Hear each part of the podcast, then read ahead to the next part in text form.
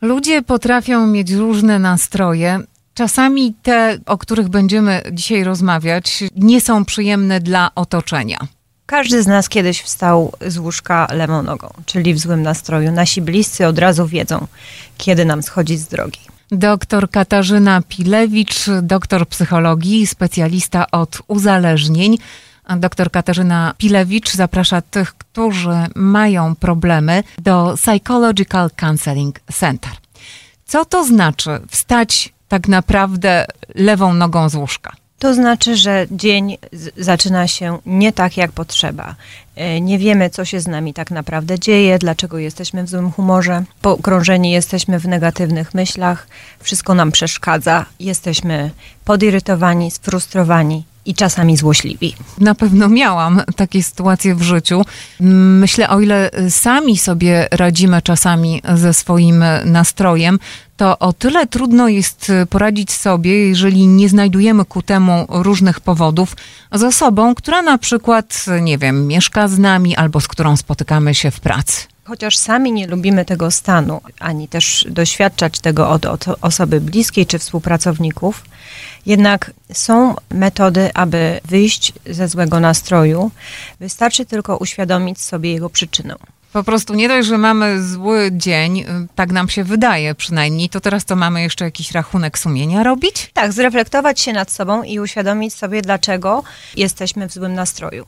Jak sobie to uświadomimy, a jest kilka przyczyn złego nastroju, nawet kilkanaście, y, łącznie z, z, z tak trywialną przyczyną jak pogoda, tak jak nasza dzisiejsza pogoda, pochmurno. Gdy sobie to uświadomimy i spojrzymy na na to zagadnienie z innej perspektywy, wtedy łatwiej nam będzie wyjść i naprawić nastrój.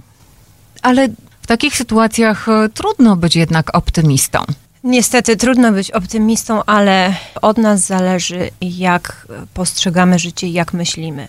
Jeżeli zdamy sobie sprawę, że my mamy kontrolę nad naszymi myślami, to możemy po prostu je zmienić ale na nasze myśli wpływa otoczenie, wpływają sytuacje. Nasze doświadczenia, wpływa to, co się teraz wokół nas dzieje. Zły nastrój, ja nie mówię tutaj o, o czymś bardziej poważnym, bo kilkanaście tygodni na przykład złego nastroju to już nie będzie zły nastrój, zły humor, tylko może to być coś poważniejszego. Ale taki zwykły zły nastrój, kiedy nam wszystko jakby y, spada na nas, można zmienić. W jaki sposób? Przede wszystkim uświadomić sobie, co mogłoby być przyczyną. Wobec tego przyczyną, powiedzmy, złego nastroju pana Marka było to, że dostał mandat.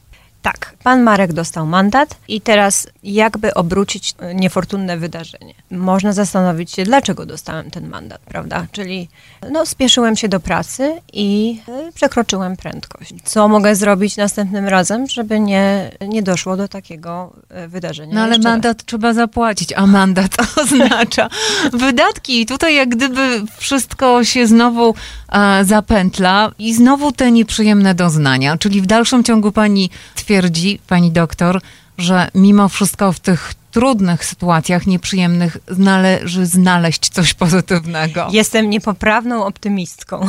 Zawsze uważam, że wszystko dzieje się dla jakiejś przyczyny. Czyli jeżeli pan Marek dostał mandat, to znaczy, że pan Marek mógłby się zastanowić nad, nad tym, jak jeździć w przyszłości do pracy. No już na pewno pan Marek nie powinien się wyżywać na, na swoich najbliższych, czy na przykład na osobach, z którymi współpracuje, bo o tym między innymi dzisiaj mówimy, jak ten nasz zły nastrój czasami wpływa na innych, a już na pewno wpływa na nasze dzieci.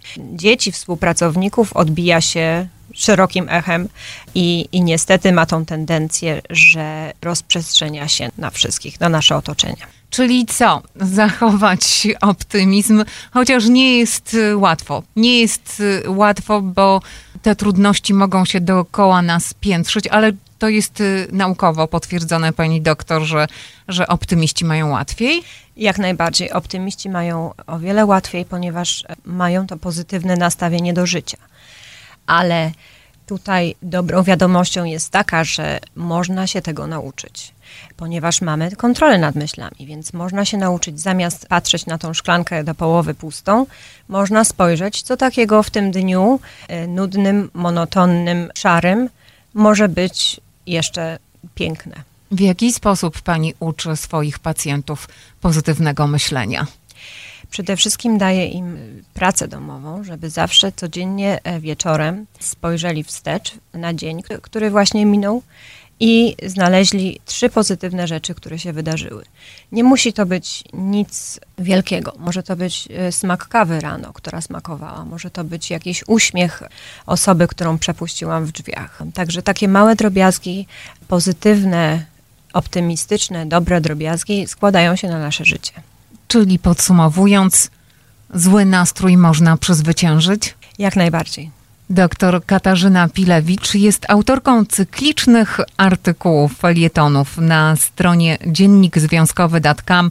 Felietony te są publikowane w każdym weekendowym wydaniu Dziennika Związkowego. Doktor psychologii, specjalista od uzależnień Katarzyna Pilewicz przyjmuje w Psychological Counseling Center. To już trzy lokalizacje na przedmieściach Chicago. Redakcja Dziennika Związkowego w Radiu 103.1 FM.